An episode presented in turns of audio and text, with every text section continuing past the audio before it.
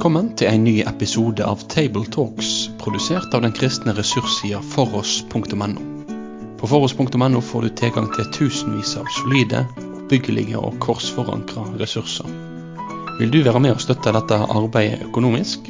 Da kan du gjerne gi de gaver til Foross på VIPS nummer 70979. Vi håper at du setter pris på dagens episode av Tabletalks.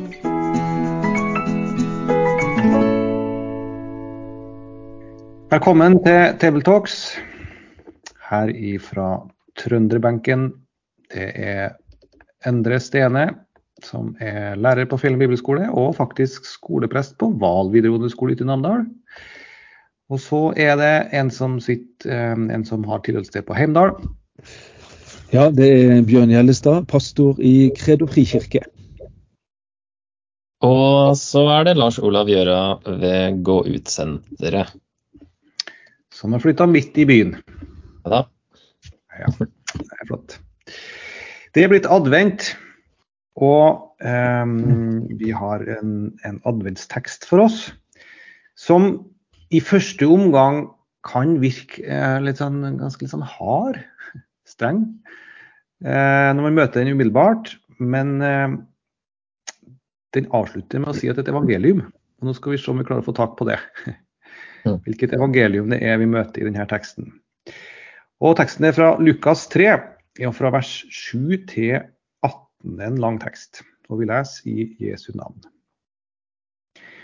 Han sa da til folket som dro ut til ham for å bli døpt av ham. Ormeyngel, hvem lærte dere å flykte fra den kommende vrede? Bær da frukt som er omvendelsen verdig. Begynn ikke å si til dere selv, vi har Abraham til far. For jeg sier dere, Gud kan vekke opp barn for Abraham av disse steinene. Øksene ligger allerede ved roten av trærne. Hvert tre som ikke bærer god frukt, blir hogd ned og kastet på ilden. Folket spurte ham og sa, hva skal vi da gjøre? Han svarte dem og sa, den som har to kapper, skal dele med den som ingen har. Og den som har mat, skal gjøre likeså. Også noen tollere kom for å bli døpt, og de sa til ham, Mester, hva skal vi gjøre? Han sa til dem, Krev ikke inn mer enn det dere har fått pålegg om. Også noen soldater spurte ham og sa, Og vi, hva skal vi gjøre? Han sa til dem, Press ikke penger av noen med vold eller falske anklager, og la dere nøye med den lønn dere har. Folket gikk nå i forventning, og i sitt hjerte grunnet alle på om Johannes kanskje skulle være Messias. Da svarte Johannes dem alle og sa, Jeg døper dere med vann, men han kommer som er sterkere enn jeg. Jeg er ikke engang verdig til å løse skoremmen hans. Han skal døpe dere med Den hellige ånd og ild. Han har sin kasteskovl i hånden for å rense sin treskeplass og samle hveten i låven.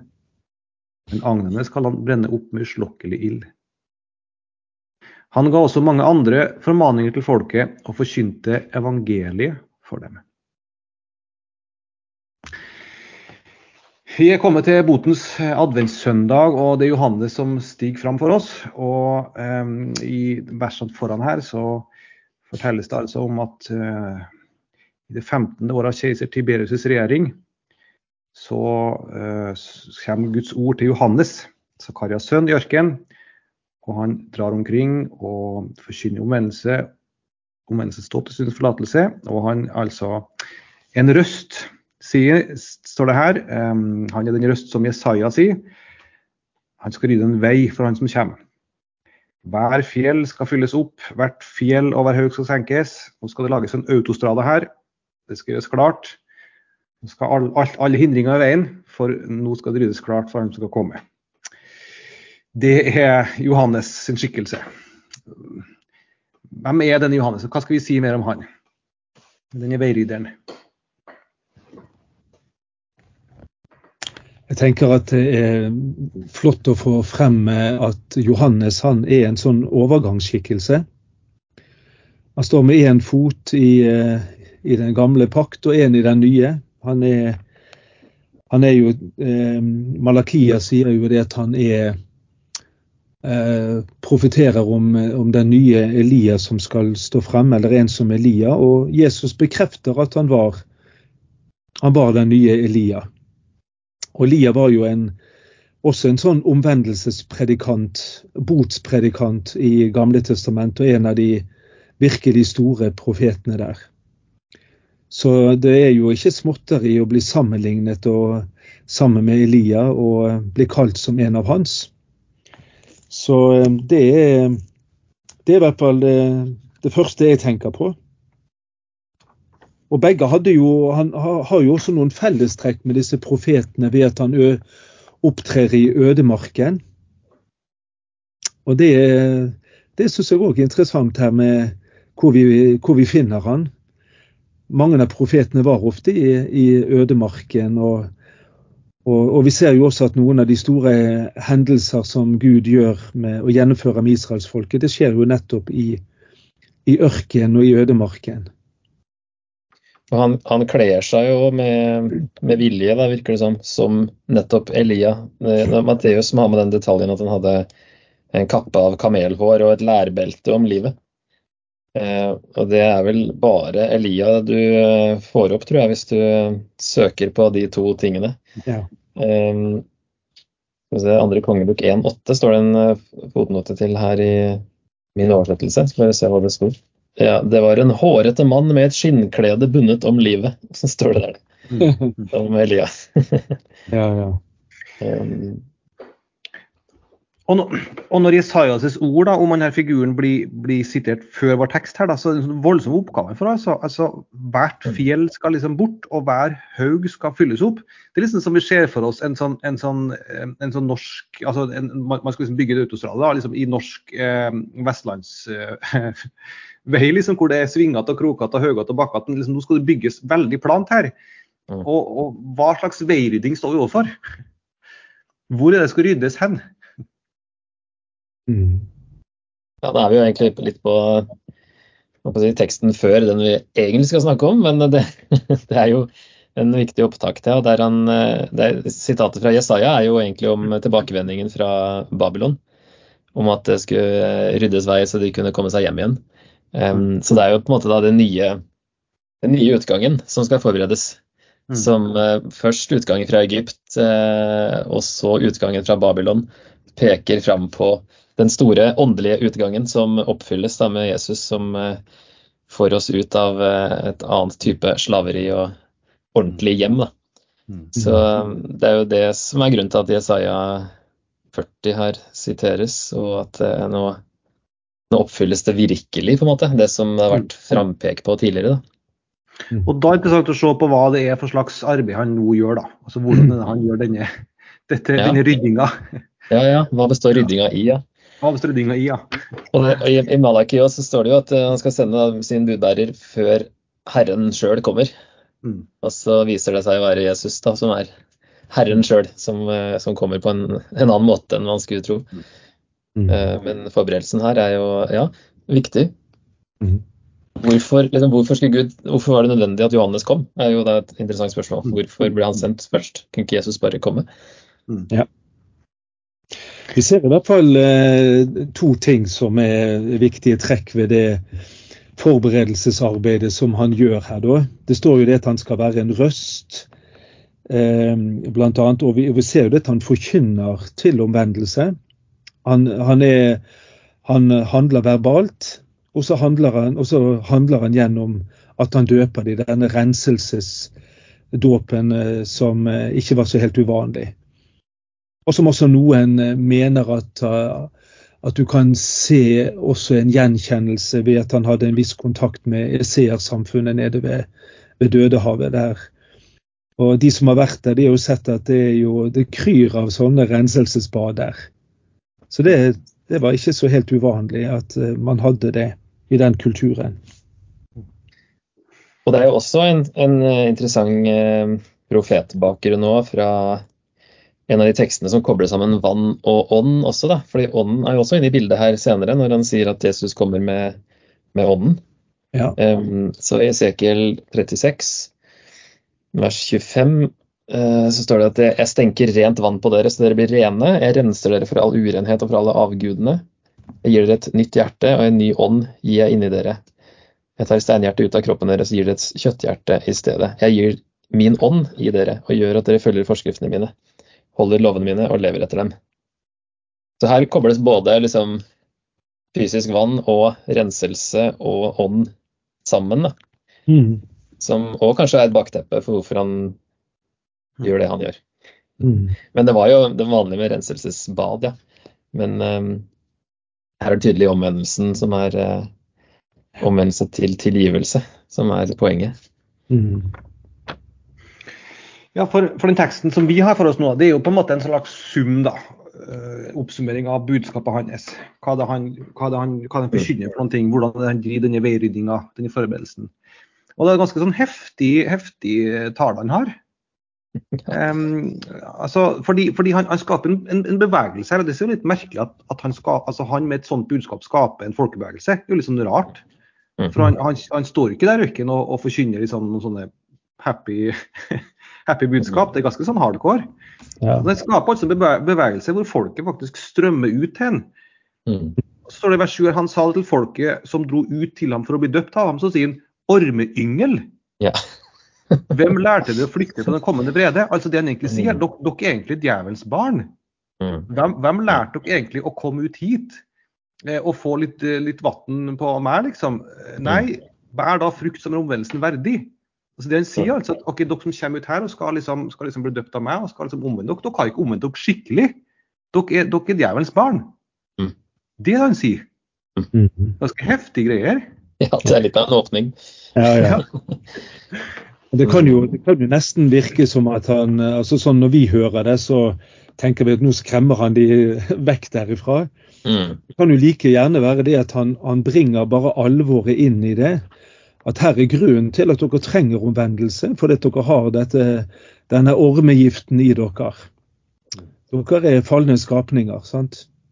Jeg tenker av og til det, Når det står det at mye folk dro ut for å høre på han, så er det jo det kanskje fordi at det har jo vært ganske taut, taust på profetfronten helt siden Malaki. Mm. Og endelig, endelig så skjer det noe. Ja. Eh, og jeg tenker at hadde vi opplevd det, det samme, liksom at det, eh, Hellig Olav eller en eller annen sto frem, så ville vi i hvert fall av nysgjerrighet oppsøkt det. Så det kan jo være nysgjerrigheten også, sant. Så vi skal ikke og, og, og så er det på en måte som at han avslører de at de, de kommer kanskje med uedle motiver. Mm. Men så ser jo vi det at når han først har sagt ormeyngel og, og at her er det, trengs det hjertets omvendelse, så begynner jo folk å nesten å skjelve litt og spørre hva skal vi gjøre? Sant? Da, så det har jo den virkningen som man egentlig er ute etter. For de begynner å spørre ja, men Mm. hva slags omvendelse er det da vi trenger? Og det, det, Det skaper jo en åpning for det. ja, det, det tyder på at det er altså noe Som du sier, altså er det de stille årene, da, 400 stille år som det kalles, uten profeter. Og, og så er det plutselig en som, som eh, snakker som en profet og kler seg som en profet og står i ødemarken og roper om dom, som er jo veldig nå, Oi, nå er det en profet her igjen. og nå er liksom Guds ånd aktiv igjen, vil man kanskje tenke, da, hvis man faktisk tok Johannes som en ekte profet. Um, og det tenker jeg er det som gjør at de reagerer som de gjør òg, at det er faktisk uh, Guds ånd som, som, gjør noe. Og at eh, omvendelse, eller ja, domsbudskapet, da, eh, gjør noe eh, helt grunnleggende viktig her, i de som, i hvert fall de som stiller spørsmål og lurer på hva vil dette si. At det er derfor det funker. Selv om vi ville jo tenkt at dette er jo en helt feil måte å legge fram noe budskap på. Men bare for å ta litt sånn dagsaktuelle ting. Hvis du tenker på det som har skjedd i Vigeland og, og borte i USA, så ser vi der at der har jo også budskapet om bot og omvendelse vært ganske sentralt. Ja. Og Likevel så har det strømmet folk dit. Og da tenker jeg at man har tenkt at endelig så snakkes det litt ærlig om Gud. Og Det kan jo være det også som mennesker har lengtet etter. At jeg ønsker å erfare Gud på en ekte måte. Ikke, ikke pyntet på eller noe sånt, men jeg vil ha et livsnært og ekte møte med Gud. Mm. Eh, det kan jo også ligge bak der, men eh, ellers så tror jeg det er like mye dette med at eh, denne lengsel etter å få oppleve profetene, som har vært taus. da. Ja, og det er jo interessant at han på en måte tar opp det han synes å høre som deres forsvar. da. For han sier jo begynn ikke å si til dere sjøl at vi har Abraham til far. Mm. For, for, dere må ikke si at, at, dere har Abraham til far og dermed alt sammen til orden. For jeg sier dere Gud kan vekke opp barn fra, for Abraham og disse steinene. Altså, det er ikke noe holdbar grunn at dere har slekt av Abraham. Mm. Hva tenker vi om, om det? Liksom? Hvordan, hvordan, skal vi forstå en sånn Altså det er, jo, det er jo, Du hører jo litt av Jesaja sin eh, stemme også her. sant? De hadde offertjenesten, de hadde tempelet. Og, eh, og likevel så, så, forteller Gud at han hater og avskyr både ofringen og, og, alt sammen, så lenge hjertet ikke er med. Og Det er jo litt av det samme som vi hører her, at de kan ikke, de kan ikke gjemme seg bak fortiden sin og alle fordeler, og at de har tempel i Jerusalem, at de har loven, og at de har land, og de har pakten, og de har Abraham, hvis ikke de lever med den Gud som er paktens og Abrahams Gud. Mm. Så eh, jeg tenker at det er noe der han lengter etter. At du har en omvendelse som står i, i forholdet til alle de velsignelsene som, som Gud har gitt dem. Det er i hvert fall noe av det første jeg tenker da. Og det, Man trodde jo ofte at eh, var man israelitt, så ville man bli frelst uansett, for man var Guds folk. Um, så det er jo den misforståelsen der, ja. At han eh, Det var stort sett alle unntatt de verste synderne og noen få unntak, liksom, som ikke ville da bli frelst når man tilhørte Israel. Så det er i hvert fall en misforståelse som han rydder ganske kraftig opp i. Mhm. At eh, her må man ikke tro det. Og som vi også står i fare for å havne i? Ja. ja. Det kan man jo si. Og mm. tenker at eh, vi er kristne fordi vi er i kristen kultur og døpt og konfirmert og sånne ting. Som mm. da kan folk komme på å kalle seg kristne eh, bare ut fra det. Mm. Så det samme, det samme, de samme aktualitetene er like aktuelle i dag som den gang? Mm. Ellers så syns jeg jo at det, det, er veldig interessant å, å, høre på Johannes her, hvordan han svarer de. Han svarer jo de sånn veldig konkret med, med eksempler. Har du to kjortler eller kapper, som det står i din oversettelse, så skal du gi den ene. Har du Eh, underforstått har du rikelig med mat, så skal du dele. Altså Du skal dele dine materielle goder. Eh, du skal vise omsorg for de som sulter. Eh, sånn at det, handler jo om å møte behovene som dukker opp i din vei, uten å flykte fra det. Og at det er faktisk en del av omvendelsen. Å bruke det, forvalte det Gud har gitt oss på en måte som blir til gagn ikke bare for en sjøl, men også for andre. Ja, det er nesten sånn at det jeg synes er se er at det han egentlig sier, er vær barmhjertig i din posisjon, i din rolle, i de mulighetene du har. da, Så vis barmhjertighet. Er det ikke egentlig det han sier her? Jo, kanskje både, både barmhjertig, men også rettferdig. sant? Ja. At vi, du har fått rikelig, og nå må du dele med det, ellers blir det urettferdig. Mm, mm. Og så er det jo interessant at det kommer jo to fra to yrkesgrupper som, som eh, så langt vi vet ikke hadde sto høyt i kurs hos folket. Sant? Du har tollere, og så har du soldatene, som da representerer romerne. Og så er det interessant her at det sies ikke at de skal forlate yrkene sine. Men de skal, de skal, de skal gjøre rett og sjel for seg i det. sant? Og Vi kan jo tenke kan en, en, soldat han driver jo med kriging, det er jo vi midt oppi nå. Men, men egentlig så handler jo en soldats oppgave om at du skal beskytte, mer enn at du skal angripe, hvis vi tenker det sånn. Og en tolleren eh, han eh, kunne ha rett til å, til å ta den eh, skatten, men han skulle ikke ta mer enn en, en det som var forutsatt, står det her. Så eh, det, det, liker jeg litt med Johannes, for det, vi er ofte redd for det. Men han tør å være veldig konkret i sin veiledning. Vi blir veldig abstrakte å, i redsel for å tråkke noen på tærne. I hvert fall for å snakke for meg sjøl, da.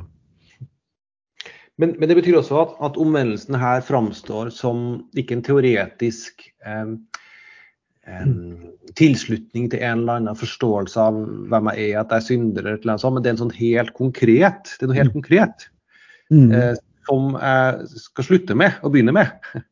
Mm. En tydelig erkjennelse av noen ting. At noe er feil og noe er riktig. Og det må få konsekvens for livet mitt.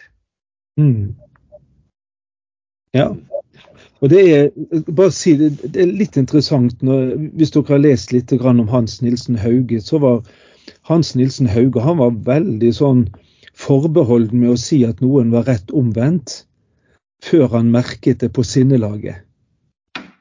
Og Hvis vi tenker at hovedbetydningen av omvendelse her, det er å skifte sinn, så var Hans Nilsen Hauge han, han jattet ikke med når noen hadde sagt at de var kommet til tro, før han så det i, i måten å handle på. Han ville, han ville, ville at omvendelsen den skulle vises i oppførselen. Og Det høres ut som at, at Johannes her er på jakt etter noe av det samme. Ja, det er å få litt sånn uh, Hauge-vibber når jeg hører Johannes her. Uh, at, at det, var, det, var, dette budskapet som liksom er det Hauge reiser rundt uh, for 200 år siden og setter Norge i brann med å si til folket at OK, det hjelper ikke at dere eh, kan går, gå til, går til nattvær og kan deres på Eh, hvis, et, hvis dere er sant omvendt, så fører det til et nytt liv, et annet liv. Mm. En annen frukt. Ja. Uh, som, som, Hauge sier, og, og, som Johannes også sier her, da, at, og, at, uh, og at det er fruktene jeg etterspør. Altså, hvis, hvis, det er et sant gudsliv, så får det en konsekvens. Det får noe frukt. Og når ikke jeg ser frukten, da er det noe som er galt. Mm. Det samme som Jakobs brev, da, med en tro uten gjerninger er død. Mm. Så det å si at ja, jeg tror på Gud altså det, det, er jo til, Han skriver til jøder, han også, si, og det er jo en Ja, alle trodde på Gud. Så det var jo det at det må vises i livet at du faktisk eh, tror at du har en frelsende tro. Um, så, men både Jakobs brev og denne teksten her kan vel kanskje oppleves litt sånn lovisk også, da. At vi må liksom produsere gjerninger for å vise at vi er frelst. Eh, så det må jo leses i lys av Jesus som det leder opp til. Eh, og at vi kan egentlig ikke produsere så mye frukt eh, av egen kraft uansett, og at det er Jesus som er som egentlig produserer den frukten som Gud vil ha, og at vi ved å være i Jesus har, er med på det. Da. Men at det her fokuset er jo da at det skal vise det være, ja, Er det en ekte omvendelse, så vises det i livet. Um, det ser jo vi også i, i det bildet der i, i vers uh, er det vers 9, sant? når det snakkes om øksen uh, som ligger ved roten av trærne. altså Den ligger klar til å sette i gang og, og hogge ned treet. Og Da er jo tanken ethvert tre som ikke bærer god frukt. Og, og, Her hører jo vi et ekko også fra Johannes 15. Men ja. akkurat som du sier, Lars Olav, så er jo poenget i eh, Johannes 15 at er vi i Kristus, eh, så er det nærmest en lovmessighet at vi vil bære frukt. Lever vi i lyset, lever vi som grein på Han, så vil det komme frukt ut av livet vårt. Mm. Og Hvis det da ikke kommer frukt, så er det noe galt med den koblingen til, til stammen. altså Da er den mangelfull. For, for, teksten her, eh, når, når, når, Johannes da er ferdig med talen sin, eller når, Lukas da har sitert fra talen, så, så sier han jo at folket forventer noe, da. Lurer på om dette er Messias. Eh, og så sier Johannes at nei, eh, jeg er ikke Messias. Jeg er bare en forløper. Det kommer en som er sterkere enn meg. Som skal døpe med hellig ånd og ild. Og så sier han i vers 17 at han har sin kasteskovl i hånden og skal rense sin treskeplass og samle hveten i låven. Ehm, dette er jo også et veldig sterkt bilde på, på dom, en mm. renselse. Hvor, hvor eh, da agnene, de lette, hvordan, hvordan de, de, lette agnene eh, som var rundt, som rundt kornet, da, det bare forsvant med vinden når man skulle treske eh, kornet, mens selve, selve veten, det tunge hveten det, det landa ned og, og, ble, og, ble til, og, ble, til, um, korn, med. Og det interessante er hvordan det, dette her verset her er henta fra Salme 1. Eh, som er åpningssalmen til Sandnes bok. At den er salig som, som, lar Guds ord få slippe inn i sitt liv, som, la, som stiller seg åpen for Guds ord, lytter til det. Den, mens den som avviser Guds ord, ikke lytter til det, eh, ikke er salig og kommer under Guds dom. det er interessant at, at, at, på en måte at, at Johannes knytter eller Lukas da, nei Johannes, knytter denne salmen til Jesus. Så dette peker også fram til Jesus. Mm. Eh, Johannes sitt budskap her. Ja, eh, det er jo det som Altså um, Interessant er at det står at han forkynte evangeliet i neste vers, vers 18 der. Mm. Um, og at det her blir um, omvendelse for å unngå dommen, da, som han oppfordrer til her. Det er jo en sentral del av evangeliet. Um, og er jo også det som Jesus gir disiplene oppdrag uh, i slutten av Lukas, Lukas 24, når de som forbereder apostlenes gjerninger, når han sier at de skal ut og forkynne i hans navn, skal omvendelse og tilgivelse for syndene forkynnes for alle folkeslag. Så det er jo samme budskapet, og det kommer jo enda eh, tydeligere fram i Matteus, som har også med at eh, Johannes òg forkynte 'venn om, for himmelriket er nær'. At de har så å si helt lik ordlyd da, i oppsummeringa av hva de, hva de forkynte. Um, så dom eh, altså, Johannes sier her, virker det som, i den teksten at dommen er nær fordi Jesus er nær mm. og kommer snart. Og da kommer dommen også. Vi så jo på det en, når Messias kom, så skulle liksom alt skje på en gang. Og så var det jo litt overraskelse at det ble dratt ut litt. Første og andre. At det var et, et andre komme da, i tillegg. Mm. -hmm. men det er én ting at uh, dommen er nær fordi Jesus er nær, og at det her med at omvendelsen må vise seg i livet praktisk. da. Og at det er litt sånn Ja, nå skjer det, og nå må dere gjøre alvor av det. um, ja, så Han skal døpe dere med en hellig ånd og ild. og Det er mye domsspråk her òg, egentlig. Både i, i ild og i det, det, som du nevnte, Endre, med det her korn- og treskeplassen. Sånn, det, det, forutsetter jo en, en, innhøstning som har skjedd. Og det er jo også et domsbilde når, skal, når det høstes inn og Gud skal skille hveten og agnene her. da. Mm. Men det kan jo, dette kan jo også peke frem mot nettopp det at er det noe Messias gjør, så er det at han eh, han kommer til å skape et skille i historien. Mm. Han kommer til å skape Han kommer til å sette mennesker på valg. Og, eh, eh, og i ytterste konsekvens så om vi går med han, eller vi går mot han, Eh, hvis ikke vi med han, så har vi en dårligere utgang, for å si det fint. Så, så det er jo det er tydelig det at Messias han eh, Det er ikke bare sånn at han kommer for å sette et skille mellom jødefolk og hedningene, men skillet går midt inn i det jødiske folk også. Om de vil ta imot han og tro på han, eller om de ikke vil gjøre det. Så eh, hvis, vi, hvis, vi, går tilbake til begynnelsen som, eh, som du ha, eh, hadde, Endre, at dette er sånn botens, omvendelsens adventssøndag, så kaller den jo egentlig hver enkelt av oss å, å stille dette spørsmålet Hva er mitt forhold til Messias? Hva er mitt forhold til Jesus? Eh, til å følge han? Lar jeg han få lov til å forvandle mitt sinn? Har jeg snudd retningen sånn at jeg går i samme retning som han. Og at uh, omvendelsen til Jesus, det er, det er også det store uh, evangeliet for oss, for det, gir meg frelsen, og det gir meg evig liv. Jeg har lyst til å si, litt mer også om, om hvordan dommen henger sammen med evangeliet. Um, og Det første som er litt problematisk for oss, er jo at dom er en, en god ting. Egentlig I Bibelen så er det positivt at Gud kommer og dømmer, fordi de har det så mye verre enn oss.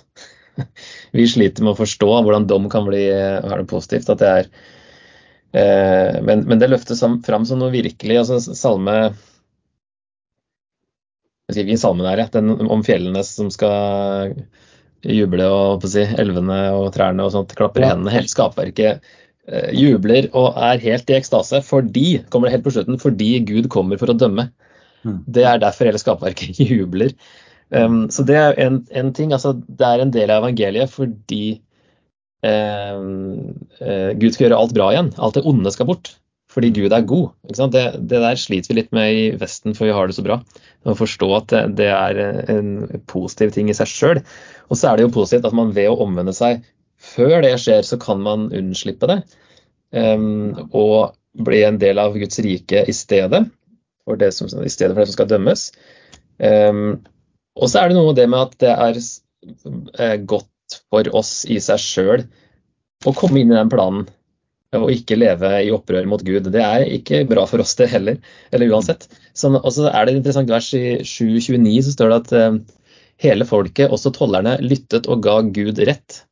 De lot seg døpe med Johannesdåpen. Så det å innse at man gir Gud rett og kommer inn i et riktig forhold til både Gud og til hans skapte verden, egentlig, som da er best for, uh, best for deg, uh, i tillegg til at du da underslipper dommen, og at dommen også er en god ting. Så alt det her knytter det kanskje mer på evangeliet enn det vi først tenker. da. Mm. Og eh, den danske tidligere generalsekretæren i laget, Leif Andersen, han sa det nettopp sånn som du sier det nå. Han sa det at hvordan i all verden skal vi mennesker slippe unna Guds dom når han dømmer våre liv. Og så sa han jo det finnes bare én måte, og det gir Gud rett i dommen. Mm. For da kan vi også ta imot frelsen. Mm. Altså det, aldri, det, aldri, det, det, verste vi gjør, det er å prøve å forsvare oss, eller å vende anklagen tilbake mot Gud. Men, eh, men eh, hvis vi tror og velger å tro at Gud vet best, og at han har rett, eh, så er det, er det bare én måte å unnslippe dommen på. Det er å si Herre, du er dommeren min, men du er også frelseren min. Gi Gud rett. Da gir det fullstendig mening at det står i siste verset altså at Johannes forkynte evangeliet for dem, og at dette også er en del av evangelieforkynnelsen, å kalle det til omvendelse og bot og oppgjør og erkjennelse. Helt til slutt, eh, hva forteller denne teksten oss om hva adventstida også er?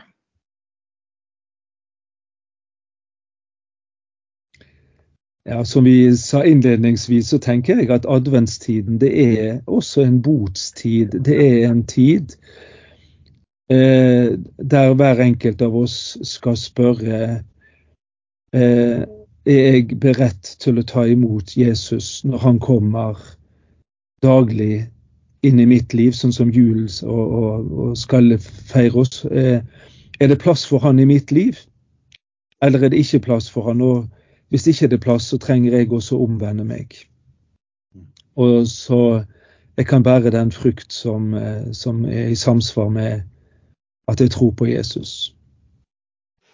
Fast, eh, Adventstida var for gammel tid fastetid. Det ble kalt for den lille fasen. Ja. Eh, det oppleves kanskje ikke så veldig mye i dagens eh, adventsfeiring i det moderne Norge. Men eh, det kan være godt om vi lytter til Johannes' budskap. Mm. Tar det innover oss på alvor, eh, også i en moderne fastetid i Norge i 2023.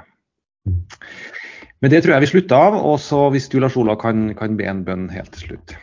Jesus, takk for at du, eh, at du kom eh, ned til oss. At eh, du ga avkall på det det ville si å være universets skaper. og bli født som et menneske.